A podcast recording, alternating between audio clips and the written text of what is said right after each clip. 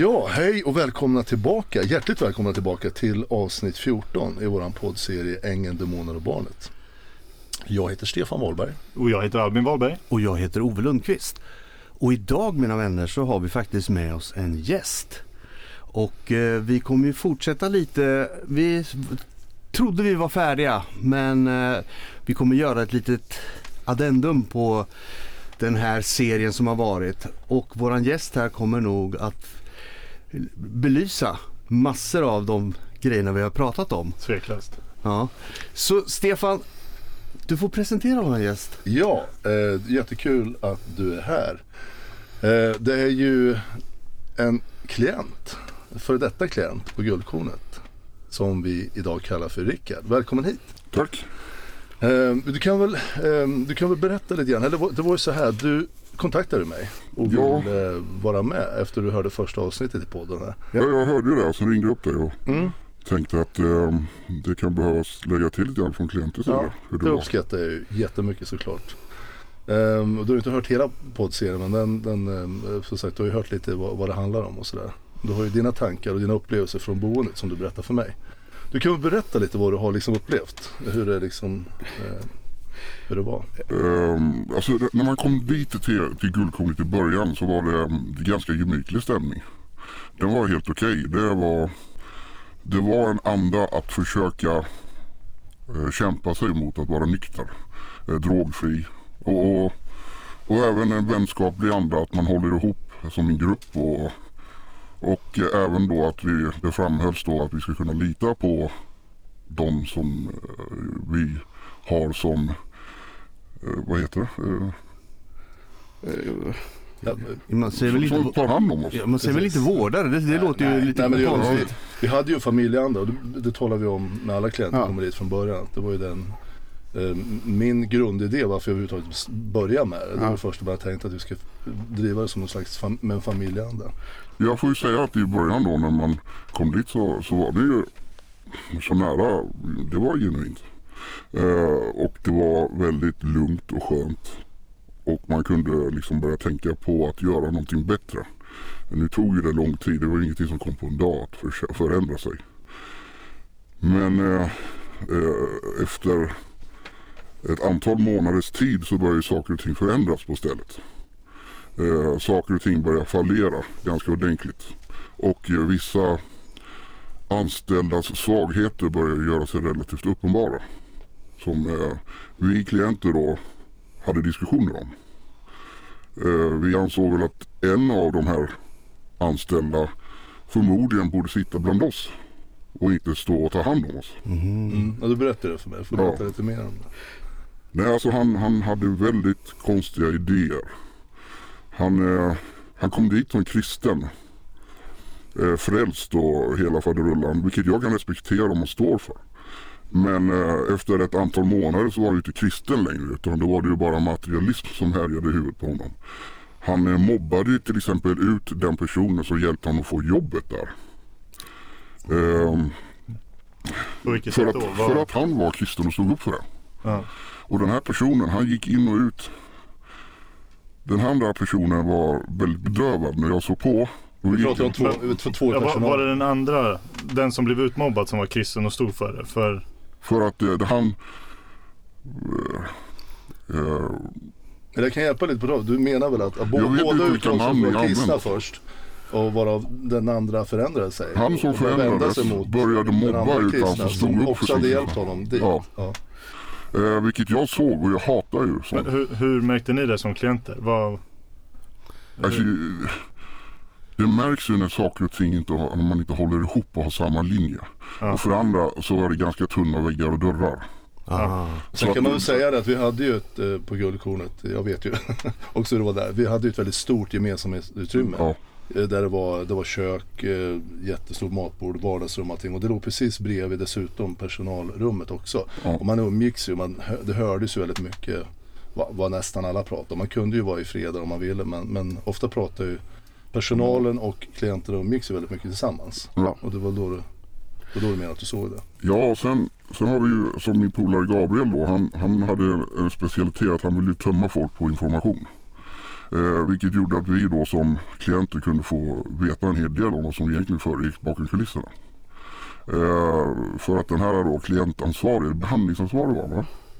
Han Ja, som, jag eh, antar att vi har ju redan nämnt honom så jag kan, jag, jag kan nämna honom ja. Du menar säkert Benjamin Bjerner? Precis, Ja, exakt hans precis. Ja, För jag, jag förstår det på det du beskriver, att det är han du pratar om. Ja, för det var ju han då som vi hade väldigt mycket bly över. Mm. Han, eh, han hade väldigt konstigt sätt som i vår värld som klienter härrörde från att vara väldigt påverkad ibland av, av, av substanser. Eh, fast han ändå gick och tog prover på oss att vara, om vi var positiva eller inte. Men Ni klienter vet jag, vet ju vid flera tillfällen så var ni på, eftersom vi testade er, så ville ni att vi skulle testa, och vi, vi personal också skulle testas. Var det bland annat på grund av det här eller? Ja, det var ju att vi Ja. pratade om honom. Mm. Eh, hans, alltså, när han kom på morgnarna, han kom ju aldrig exakt till rätt tid till exempel. Om han skulle vara där klockan åtta, då kunde han komma kvart över åtta. Sen stod han i hallen i kvart och flåsade. Och, och, och ungefär som att hjärnan skulle laddas om så att han kunde fokusera på vad han skulle göra och gå så rakt som möjligt in i rummet där han skulle jobba. Och det här skulle ju inte behöva vara någonting egentligen men hur eh, i helheten så är det här något som man höjer på ögonbrynen för eller är det? Ja, alltså vi höjde ju på ögonbrynen på det sättet att det fanns ju ingen vi kunde tala om detta för. Nej. För att den ansvarig som många litade på var ju borta därifrån. Ja. Eh, utan vad vi hade kvar det var ju eh, det var ju Benjamin Bjerner Ja. och eh, hon som tog över ansvaret över hela allt då och ansåg, ansåg att, att hon kunde klara av det. Och ingen av dem litade vi på. Mm. Då är det ju svårt Mm. när man inte har någon som man kan anförtro sig till. Ja. Och så resultatet av det hela var att rykten började spridas runt omkring på alla andra ställen också. Att det blev ju ett lågtröskelboende vi hade att göra med. Ja. Vilket då resulterade i hur, hur seriöst vi som klienter tar det. Ja. det. Det var inga problem att ta återfall. För då han blev aldrig utslängd. För det handlade om att de skulle få in sina pengar. Ja. Det handlar inte om att hjälpa längre. Nej. Eh, och, och, och, och har man gått över den gränsen. Då har man tappat syftet för vad det, vad det är till för. Du skulle väl kunna beskriva det som att det blir en form av förvaring Ja. Förvaring för att kunna klämma ut så mycket Pengar. som möjligt. från staten. Eh, det roligaste alltihop var ju att vi hade så länge Stefan Wahlberg jobbade där Mm. så hade vi, vi hade veckopeng. Och det var ganska mycket faktiskt tyckte jag själv. Ja. Men det räckte för vi använde, vissa rökte, vissa snusade, vissa köpte lite godis. Ja. Eh, när, när Eva tog över själv Mm. så drog hon ner det till hälften. Okej. Det, det räckte inte till en rökare sju dagar. Nej. Men hon tyckte det var skäligt. För att hon, hon sa att de inte fick det sen av sociala myndigheten. Ja. Eh, Gabriel han tömde ju från andra hållet. Mm. Att de visst fick det från sociala myndigheten. Ja. eh, För omkostnader. Men att de ändå behöll de pengarna själva. Ja. En sån grej gör man ju inte mot klienten. Nej. Det, det smakar illa såklart. Ja. Det gör det. Det blev problematiskt. Ja. Och det blev även uppror bland klienter som inte brydde sig ett skit om vad de sa. Nej. Till slut var det klienter som satt där och utnyttjade situationen. Fjäska för rätt person så går allt bra. Ja. Spela på rätt tangenter och du får det du vill. Mm. Eh, det blev en förvaring som tankarna kring många av dem som var där, inklusive mig, det var att jag är här en stund, sen kan jag dra iväg igen. Ja. Jag får vila upp mig. Precis. Den, den andan och den tanken vi hade från början av att det skulle vara ett familjeboende där vi alla är liksom lika värda och sådär. Att man liksom hjälps åt och försöker komma framåt och vidare mot och någon bättre variant av sig själv i livet. Den föll lite menar du eller? Ja, det spårade ut Mm. fatalt. Eh, det fanns ju faktiskt ingen som, jo, det fanns. För att den här ansvariga som var väldigt kristen, han försökte verkligen att hålla ihop det. Med att ta ut klienter och hitta på saker. Ja. Eh, umgås med klienter när han jobbade. Eh, lägga tid på dem. Eh, han var väldigt duktig på det. Okej. Men tyvärr så klarade han inte av i längden den här mobbningen successiva som blev. Det tar ut sin rätt på vem som helst. Ja. Ja, Försvann, han där, försvann han därifrån eller? Han sa upp sig och eh, flyttade därifrån. Jag tror inte ens han flyttade till ett nytt jobb. Jag vet faktiskt inte så mycket. Nej. Eh, Men däremot jobbade han inte kvar där mer. Nej. Ja, I och för sig jag kan förstå det. För det är som att jobba i motvind. Ja. Ja. Och eh, vem bryr sig vad han hade för religion? ja det är ju oviktigt. Ja. För vi är där för droger Ja. och alkohol. ja. Inte, inte vad du har för religion. Nej. Så att det, det, för oss var det inte ens logiskt. Mm.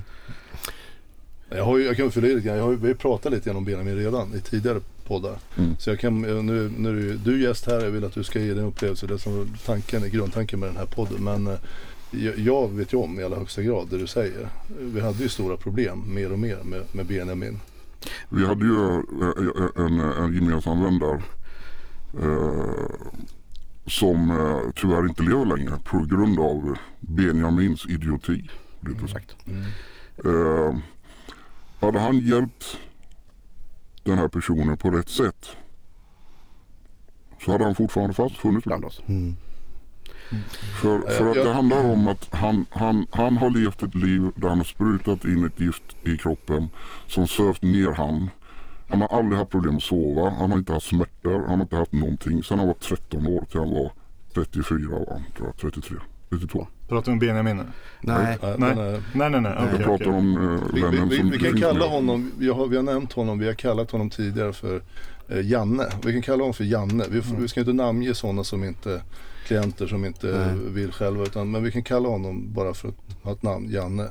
För han har, vi- då, då kan vi prata med honom om sånt här. Och det, jag vet vad du menar. Och det var ju väldigt tragiskt. Och, och jag, jag vet, jag kan, ni som lyssnar nu kanske tycker att det här låter väldigt liksom väldigt eh, framåt om man ska anklaga någon eller dra in någon som skulle vara någon anledning till, till någon som har gått bort. Vilket låter ju jätteallvarligt. Men grejen är att det är väldigt allvarligt. Och grejen var att som jag har nämnt tidigare i en podd att det här tystades ner av just, det här vet inte du, eh, men, men av Bill Engman. För Ja. att det här var Bill Engmans lilla gullgosse. Bill Engman hade ju eh, behandlat Benjamin tidigare.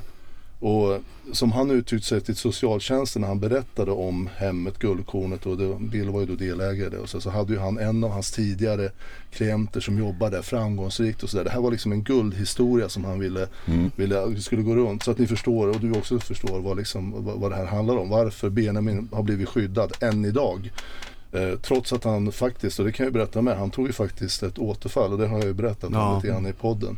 Vilket är jätteallvarligt. Bill Engman och Eva Stark bland annat, men alla i växenheten, även Malena Högberg, har ju tystat ner det här Ja. medvetet. Så det är inte många som vet att, att eh, just Benjamin tog ett, ö, en överdos och höll på att stryka med faktiskt. Men, men Alltså, Rickard, vad, han köpte ju drogen någonstans. Mm. Benjamin. Mm. Ja. Så att det finns på folk som vet Ja. vad han håller på med. Ja. Det är intressant för mig nu som sitter i det här som jag har ju bara hört ifrån Stefans sida. Och du sitter ju bara helt oförberett här nu och verifierar allt vi har pratat om eh, i- tidigare. Mm. Vilket är intressant för mig. För jag sitter lite förstummad nu. Jag har inte sagt så mycket kan jag säga till lyssnarna. För jag lyssnar och tycker det här är både fascinerande och skrämmande. Mm. Att- Och det här säger också en sak att det, det är så här det, det var. Vilket är väldigt beklämmande. Och framförallt dig som har varit klient och har suttit på den sidan. Stefan har ju varit på andra sidan så det är den sidan vi har hört. Eh, som att vara på klientsidan och uppleva alla de här sakerna och se och observera och själv kanske bli drabbad. Som du säger det här med förvaringsprocessen. Att man inser det här är, det här är ju det är bedrägeri egentligen. Det är ett fullskaligt bedrägeri. För du var ju där därför att du ville få hjälp och stöd och så blir det ingenting utav det. Nej. Det är ju jättekonstigt. Och det du pratade om förut, det här med den här idén om att med den familjära stämningen och alltihopa. Eh, för när du försvann därifrån, var du kvar då? För jag vet ju inte riktigt. Jag var kvar. Du var kvar när han försvann, Stefan försvann, okej. Jag såg vad som Då, hände. då okej. Bra. Då, då, då är våra lyssnare med också i, i liksom hur det här, eh, liksom, i vilket skede det här är. Men, men vad, vad fick ni som klienter höra om att Stefan bara försvann hux flux? Ehm, alltså det gick väldigt riktigt att jag tror det var Gabriel som hade åkt med Eva i bil. Det var någonting om några bilar, det var fara. Jag kommer inte ihåg riktigt 100%. Nej. Men ehm, då var det att eh, Eva hade sagt att hon kunde inte samarbeta med Stefan längre som någonting skulle ha, vi skulle ha förstått eller han skulle ha förstått då, Gabriel. Okej. För Gabriel så förstod han ju ingenting eftersom han egentligen då hade den här äh, sysselsättningen hos Stefan. Ja. Och Stefan försvann bara Ja. och förstod inte varför. Nej. Nu är, jag vet inte, Gabriel han kanske förstod lite grann men han, han tog till sig informationen som Eva gav som väldigt otydlig.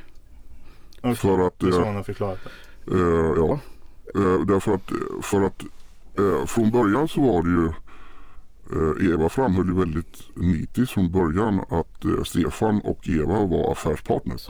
Okej. Eh, eh, med annan historia som vi räknar ut själva då. Ja. Ja, Ni klienter, alltså, så- man kan ju säga det, bara skjuta in det. Man låter som klienter och det är verkligen så, så alla ni som inte har varit i den här branschen heller. Vi, vi är alla människor, vi kan alla när som helst i livet faktiskt med fel eller rätt förutsättningar om man nu vill hamna i en sån här sits där man behöver hjälp. Man kan hamna i missbruk hur lätt som helst. Många hamnar i missbruk när de blir sjuka, de gör sig illa fysiskt och får lite lugnande mediciner. Sen sitter de i ett missbruk. Så, och det, och det har varit min syn i alla fall som jag har varit vä- väldigt noga med att liksom försöka prata om så ofta jag kan. Att det är, ingen, det är ingen skillnad på oss här. Just nu råkar jag vara här och ta hand om er och ni kommer hit och sådär. Så med det sagt så ni klienter är ju inte dumma i huvudet på något sätt utan ni är ju vanliga människor som har bara haft mer eller mindre missbruk på olika sätt. Och ni är ju väldigt observanta. Det, det ser man ju, det, det märkte jag ju väldigt snabbt. För att ni- överleva det livet Det går inte att man dra minsta Nej. utan det gäller att vara tokrak liksom. ja men alltså för att överleva där ute så måste du vara observant. Mm. Du kan inte slappna av. Allt, alla människor vill dig något ont.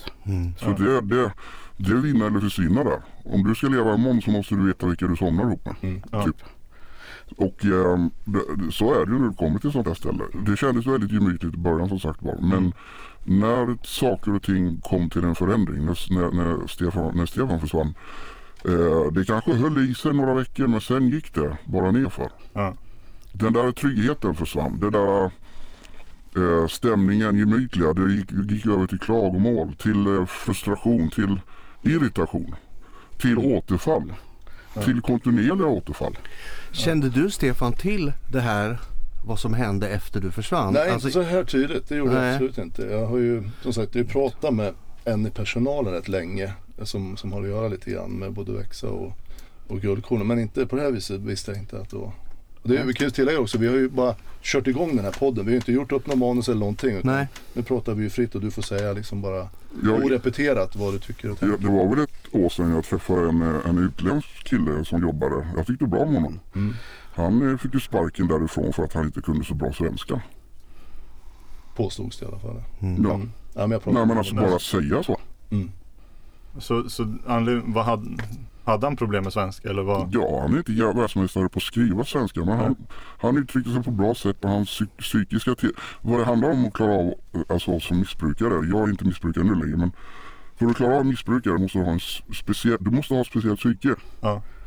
Eh, han var perfekt. Han var som klippt och skuren. Ja. Han var snäll, trevlig, man hade sina gränser och det är precis så det måste vara. Ja. Precis som han som var kristen hade. Mm. Ja. Okej. För att du får, du får inte låta dem gå över de gränserna. Nej. För får de gå, går de över en gång så Ja. går de över fler gånger. Ja. Liksom pusha bara och se vart det tar stopp liksom. Ja. Alltså jag, jag hade en eh, tanke jag skulle kunna utveckla. För jag, det känns som att i början här när vi pratade om Benjamin och Janne här. Eh, att vi blir så löst och bara kastar anklagelser. Du har inte lust att berätta lite. Vad, på vilket sätt känner du att Benjamin var? Vad var det som fick dig att känna att det här är Benjamins? Det här är liksom han har varit delaktig till att det gick så här för Janne. Eh, sanningen är att, att eh, Benjamin gav Janne en massa löften Okej? som jag inte vet om. Nej? Ingen annan heller för att Janne var väldigt tystlåten och Ja. väldigt neutral. Ja. Löften om att han skulle få bra och bästa möjliga hjälp. Ja. Eh, men när det väl behövdes hjälp, för han, han, han kunde inte sova. Han, hans sömnproblem var så otroligt. Det, jag vet inte vad det berodde på. Nej. Alltså sluta med heroin, det ger mardrömmar, det ger kroppsliga åkommor, det, ger, det, det är en fruktansvärd grej. Ja, nu är inte jag jättevass på droger men heroin är inte det den enda drogen du inte kan sluta med rakt av. Jo, Det- Man måste väl ha substitut på Ja, något sätt helst. och greja.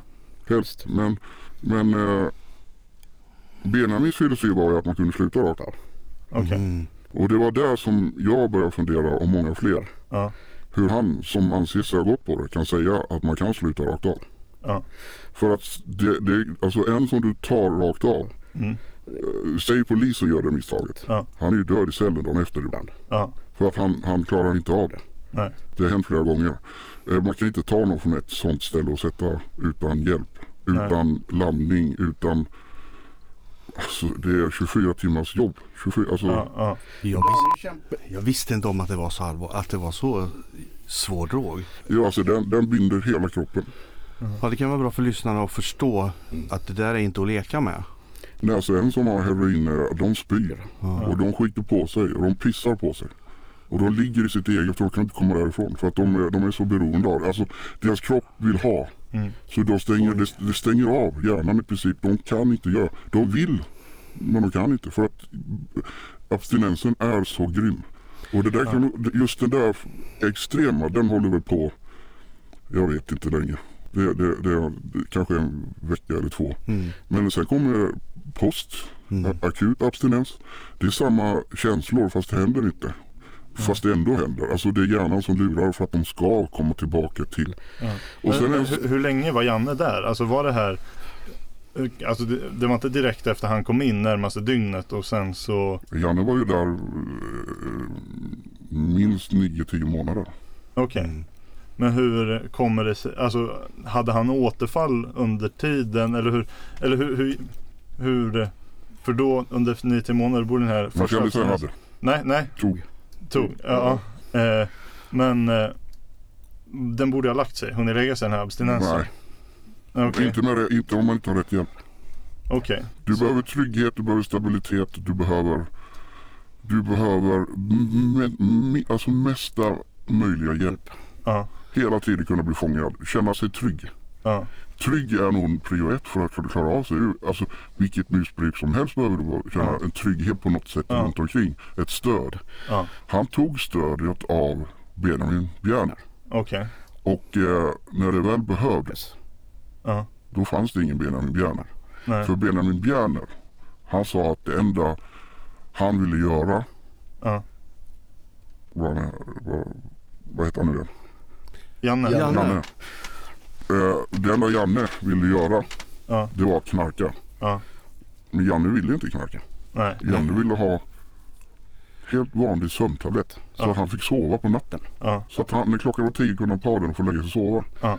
För han kunde inte sova. Han kunde inte slappna av. Nej. Och vad han såg eller inte när, när, när natten kom på, det vet jag inte. Men han hade ju panik. Han var vaken så länge att han höll på, höll, höll på att trilla, trilla ner från en balkong från tre andra våningen. Ja. Rätt ner. För hans hjärna stängde bara av. Ja. Och då kanske vi snackar om en vecka. Fy. Alltså jag... Ja, det var, det var ju Ja. dramatiskt. Han stod upp på balkongen och somnar stående. Ja. Och vaknar precis att han kan rädda sig kvar och håller på Ja. att ramla. Han var ju rätt, rätt lång, reslig. Ja. Han hade inte vaknat så hade han varit bara där. Ja. Han fick inte hjälp som han skulle ha. Eh, jag hörde Gabriel, som, eh, han umgicks så mycket med Gabriel. Mm. Eh, och, och de förlitar sig på varandra och de har väl sitt privata som, som inte alltid kommer ut tror jag.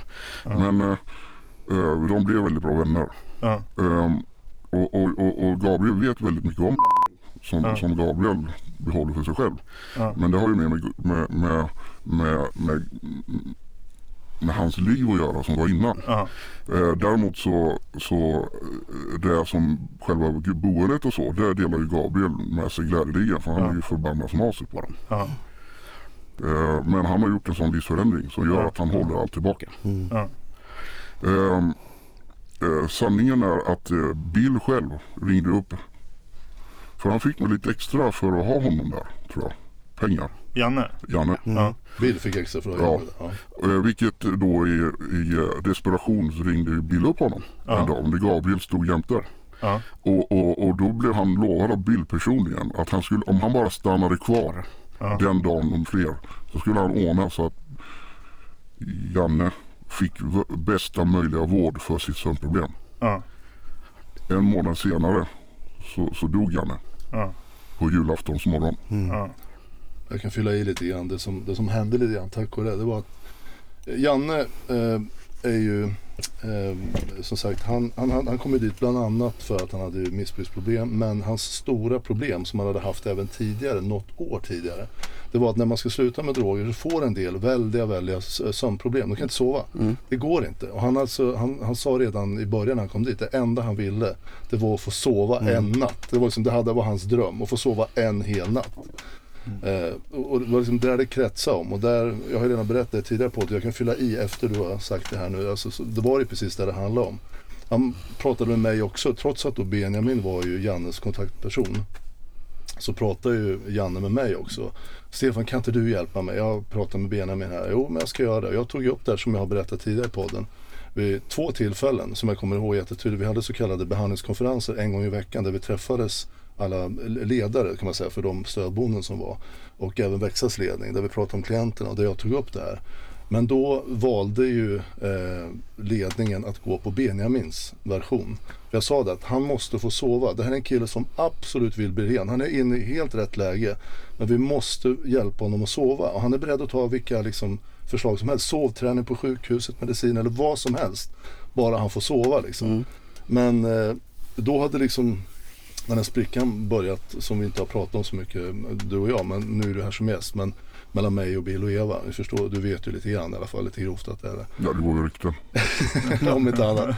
Men, men jag har varit nerröstad och jag liksom känner mig fruktansvärt desperat. För jag, jag, jag såg, jag tyckte mig se jättetydligt på Jan att det var liksom han var färdig med det här. Han var verkligen, han hade kommit upp i en ålder där liksom, han, han var helt färdig.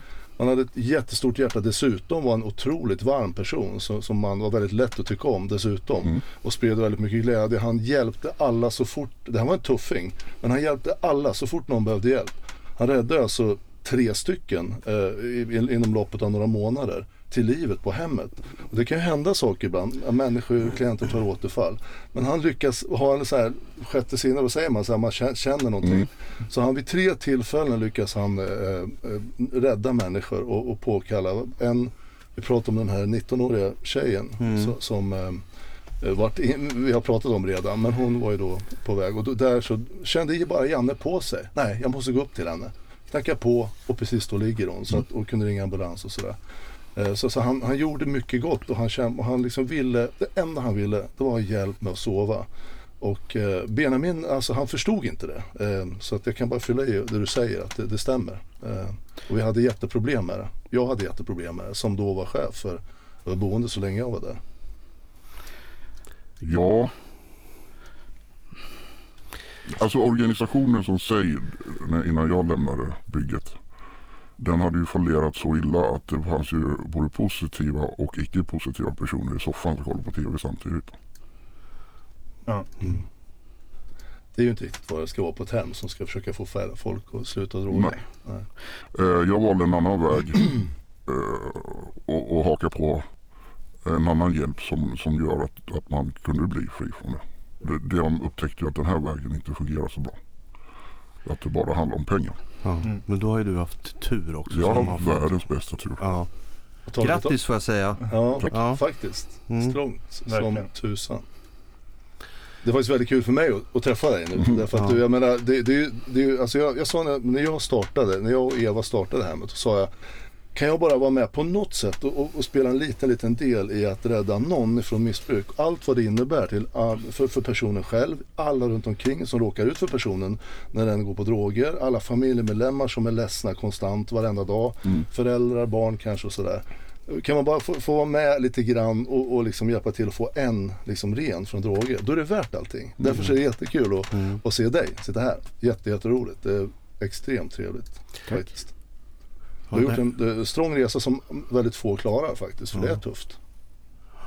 Ja, faktum är att den är tuff men den är värd det. Ja. För att slippa och, och svika omgivningen så mycket som man har gjort genom årens lopp.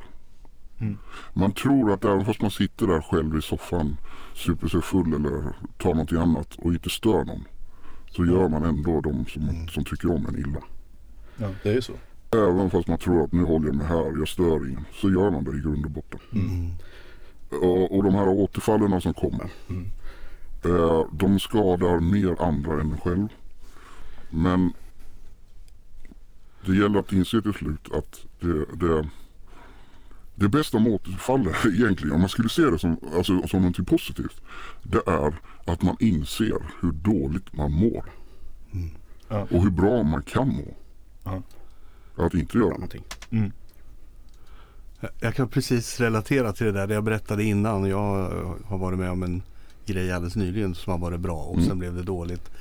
Så jag vet vad du menar. Det här när man får känna man kan må riktigt, riktigt bra. Ja. För mig var det inte drogrelaterat utan det är medicinskt men det är något annat. Men eh, jag förstår känslan Ja, men det är faktiskt. Det är, ja, jag fattar.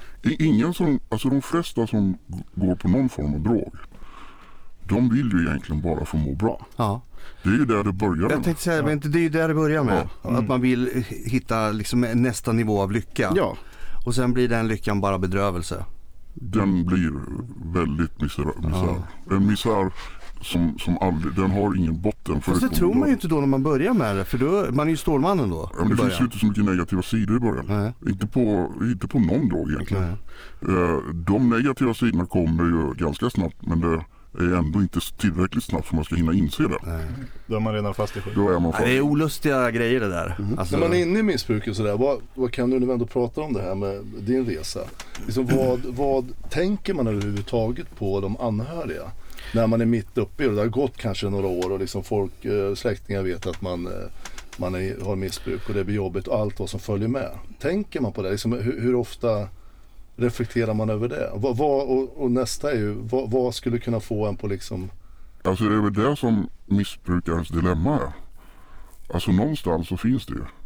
Men det gäller att se till att göra så att man slipper tänka på det. Och då gör man sig själv påverkad. För då helt plötsligt kopplar man ju bort känslor på ett annat sätt. Och då slipper man tänka på omgivningen. just då? Samvetet tar du ju bort. Det finns ingen som är full eller pundad som har samvete. Det kommer sen. Det kommer När efteråt. drogerna går ut. Ja. Men det finns ju ångest. Det finns, det finns ju känslor. Men just samvetet det finns ju oftast inte. Inte, inte när man är påverkad. Nej. Det har man liksom tagit bort.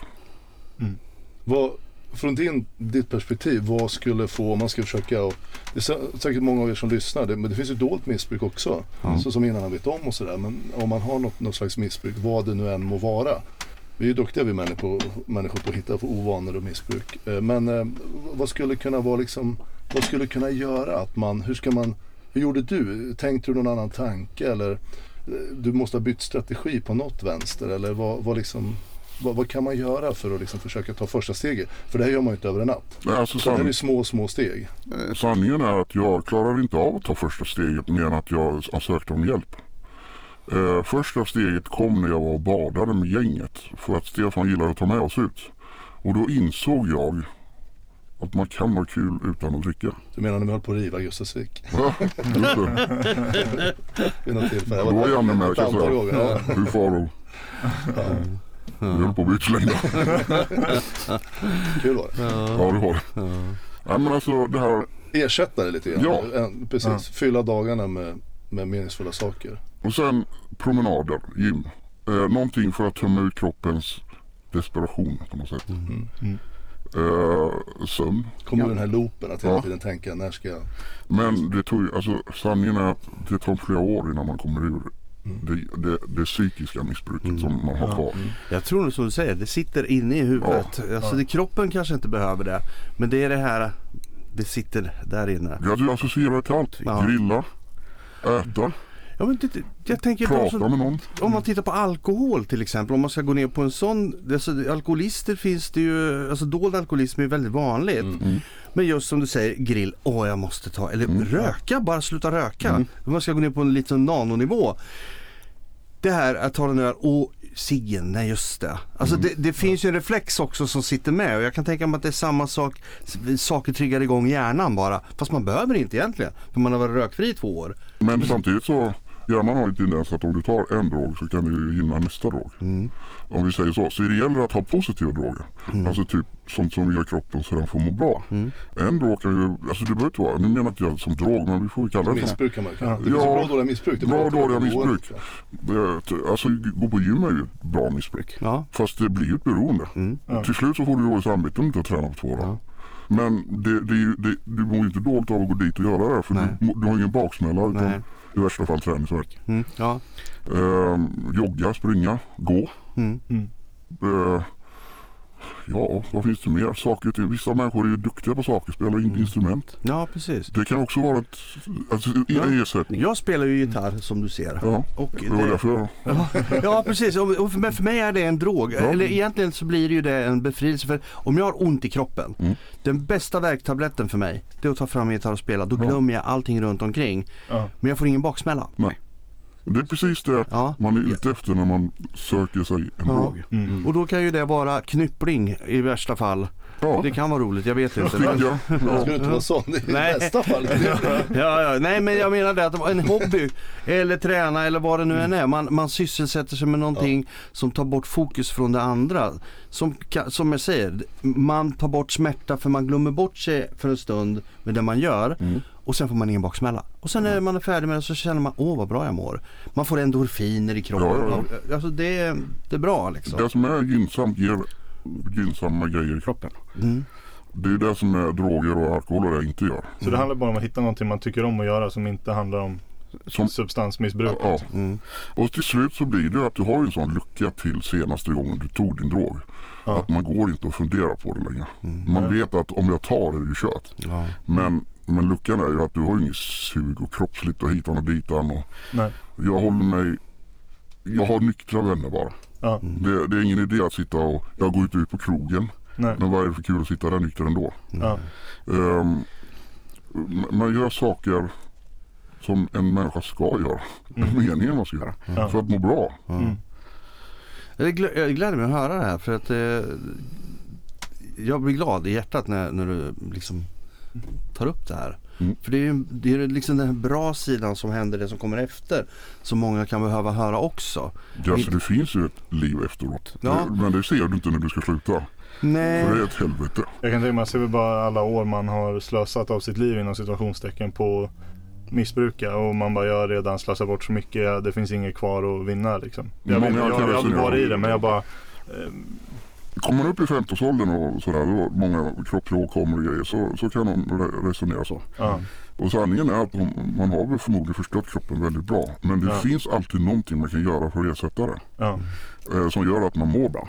mm, Sen har jag mina teorier om olika möten och så, som hur det funkar i verkligheten. Men det står jag för själv och det behåller jag själv. ja, Jag går själv inte på möten. Utan Nej. jag, jag har bara tagit ett beslut. Man måste ta ett beslut någon gång. Mm. Det gäller att Måste hitta vara där det sin börjar. grej och sin, Ja. sin väg att gå helt enkelt. Ja. Och där får man börja sakta och säkert. Och till slut så får man få tillbaka, man får självförtroende. Man får, man blir social. Man blir, allt det här som man knarkar eller söp bort, det kommer tillbaka. ja, Alltså man har ju, personen finns där. Det är bara att det är en annan kemisk personlighet som har tagit över ett långt tag. mm, Eh, många gånger psykiska åkommor eh, som eh, många människor har som typ eh, ångest. Eh, det är på grund av, många gånger säger jag, jag har sett det här, Ja. det är på grund av att man dricker för mycket alkohol. Ja. Så man tömmer ut kroppens reserver på må bra-grejer. ja, Som, alltså det är för hjärnan och, alltså, och, och, och då, då, då har då, då, då tycker läkarna att man kan ta antidepressivt. Istället för att kanske gå in på vad är orsaken till det. Mm. Om en bil går sönder och den börjar ryka då försöker du ta reda på varför den ryker. ja. Du, du slänger inte bara ner någon medel i tanken så det slutar Rika. Ja, Man, man, man testar det ofta i början om man inte är så insatt men sen inser man att nej, det gjorde ingen skillnad. Nej. Jag kan vi passa på att nämna här ni som eh, har missbruk och lyssnar på det här. Alltså det är ju, det är ju, statistiken talar ju sitt tydliga språk. Och många som har haft ett tufft liv på olika sätt, bland annat med missbruk. När de väl kommer ur missbruket så blir de ofta de kan ofta må bättre än vad folk generellt. Därför att du vet hur det är att ha det sämre än sämst. Du alltså har varit botten och du har mått sämst psykiskt. Men när du väl kommer bli fri från missbruket och sen liksom börjar ett nytt liv så kommer en tid, men det kommer ta lite tag. Så har man tålamod och kommer dit så eh, mår man ofta bättre. Man kan njuta mer av dagarna och man blir ofta väldigt kreativ. För missbrukspersonen har ju ofta en, en liksom nånt- man måste göra någonting av sin kreativitet. Man har väldigt mycket Och, kreativitet. och man är ofta väldigt duktiga företagare till exempel och så är duktiga där de tar sig för. Eller om det nu spelar instrument eller vad som helst. Vad man nu vill göra. Och, och så ser det ut. Det finns statistik på det. Så Alltså kan, en, en missbrukare som är aktivt missbruk, han är grymt, grymt dålig, äh, duktig affärsman. Alltså det, de, Ja, det de, måste de, fixar ju pengar hela tiden och de gör det snabbt. Eh, Skulle de då vända om det, den egenskapen till nyktert och, och börja, de skulle kunna starta upp vilken verksamhet som helst och få lyckat. Mm. Titta på en stor nu som figurerar ute på nätet. Gran Cardone, den brukar vi titta på ibland. Ja, En kille som levde som missbrukare fram till någonstans runt 25 tror jag. var 26. 26. Där han inte hade någonting. Han, han liksom vände när han inte kunde betala sin hyra. Han hade någon liten lägenhet någonstans. Där han var helt utblottad. Och nu är han eh, mångmiljardär är han väl. Ja, ja. Eh, och liksom äger mycket som är framgångsrik. Suverän person, jättetrevlig att lyssna på. Bra på alla sätt. Och han berättar väldigt öppet om det här. Så kan man Ja, det- lyssna på man vill. Det Det, finns- det gäller att vara öppen. Den är också en, en Ja. alltså för att det, det är många av svenskar som är rädda för, för det. Att missbrukare är missbruk. Du har haft missbruk. Du är inte som dem. Du äter ju inte av kakorna för du ska hålla igen. Alltså det är samma, man är annorlunda. Eh, sanningen är att jag, jag tycker att är man bara rak och öppen så har man ingenting och så skiter man i vad andra tycker om det. Det finns ju en grej i det här som eh, kreativ person. Jag kan utgå från mig själv. Jag- Jag har jobbat som kreativ person hela mitt liv. Mm. När man kommer upp till en viss nivå när hjärnan går i spinn, när man har liksom för mycket. Mm. Då är det väldigt lätt. Alltså jag skulle kunna ha blivit en missbruksperson. Mm. Jag hade en tid när hjärnan gick på för högvarv. Eh, jag, höll på, jag gick in i väggen Mm. på riktigt. Men jag förstod inte att jag gick in i väggen för man pratade inte om det då. Det här med utbrändhet och alltihopa. Men det smakar jävligt gott med en whisky på kvällen. Mm. Och kanske då den där whiskyn det blev liksom från 2 centiliter. Sen var det liksom 6 centiliter. Sen var det 2 6 centiliters.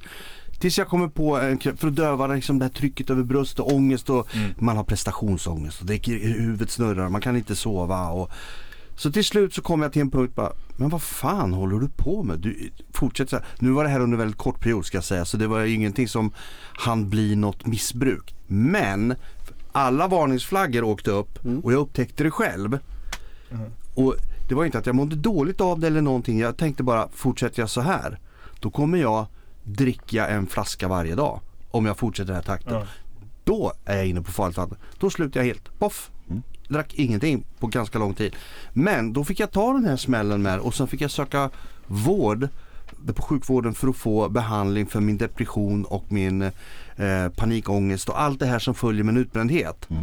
Då konstaterar de, men du är utbränd. Ja, då fick jag ju medicin för och behandling. Jag hade tur. Jag träffade rätt läkare och rätt terapeut. Jag hade, det är inte alla som har den turen. Nej tyvärr så är det inte det. Så mitt stoppades på en gång. Men jag, jag, alltså jag vill bara säga det att vem som helst kan bli missbrukare. Det finns liksom ingen, det, det är inte speciella personer som blir det. Utan det kan drabba precis vem som helst av olika skäl och anledningar. Alltså din eh, rikaste granne runt dig kan om tio år sitta på en parkbänk. Mm. Det är inga större problem. Nej. Den du minst anar kan sitta där. Och det kan ju vara rätt viktigt att säga det för det finns många som, alltså, som har, alltså, jag säga, inte fördummer men man har fördomar om eh, missbrukare att det är liksom mindre begåvade människor. Men det är inte så det är. Nej. För det finns alltså akademiker som är högt utbildade som har kraftiga drogmissbruk Ja, ja. för att klara av sitt liv Mm. på något sätt. För att hjärnan går för fort ibland. Jajamän. för att man eh, inte känner sig tillräcklig och det finns alla möjliga. Mm. Så ska man och säga det. Varför då tar folk droger och dricker? Ni som aldrig har gjort det eller något sånt där, eller aldrig haft missbruk. Jo, man gör det därför att precis i stunden så kan det, pågående ofta i alla fall, bli en liten lättnad om man lugnar ner sig lite grann. Mm. Men smällen kommer, eh, du, du, liksom, du gör ingenting bättre. Du gör någonting tillfälligt som du får betala mer och mer och mer och mer för desto mer du håller på med. Mm. Det är det som är kruxet. Ja, så det är liksom ingen quick fix. Utan det Det är lite intressant för att just de där som säger att de har inte missbruk. Vi säger att det är 70 procent.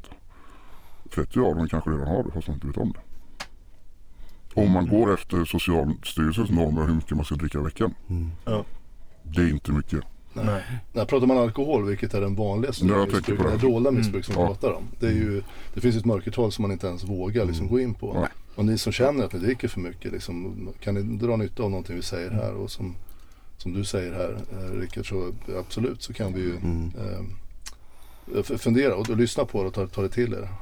Det Vilken- går ju att ta sig ur liksom. Bara vilken- man blir medveten om det, det är det första. Ja, och vilken drog som helst man än tar så drar den ner. Hur lite man än tar av den drogen. S- Om den drar ner lite eller mycket, det beror på hur mycket man tar just vid tillfället. Men till slut så kommer den dra ner allt. Mm. om man låter den få ta över. Men även om man bara dricker två gånger i veckan några glas vin så drar den ner och man vill eller ej. Mm. Ja, jag tycker vi ska ta och runda av. Jag, tycker, jag är jätteglad att du kom hit och det har, vi hamnade på och pratade om saker som var väldigt intressant faktiskt. Och få se sidan från klientsidan också och din resa från liksom var du har varit och vart du är idag. Jättekul och jag är glad att det har gått bra för dig. Kul att du kunde komma hit. Mm, tack så mycket. Ja, tack för idag. Tack för här. Ha det bra allihopa, var rädda om er. Ja, Hej då. tack. Hej då. Hej.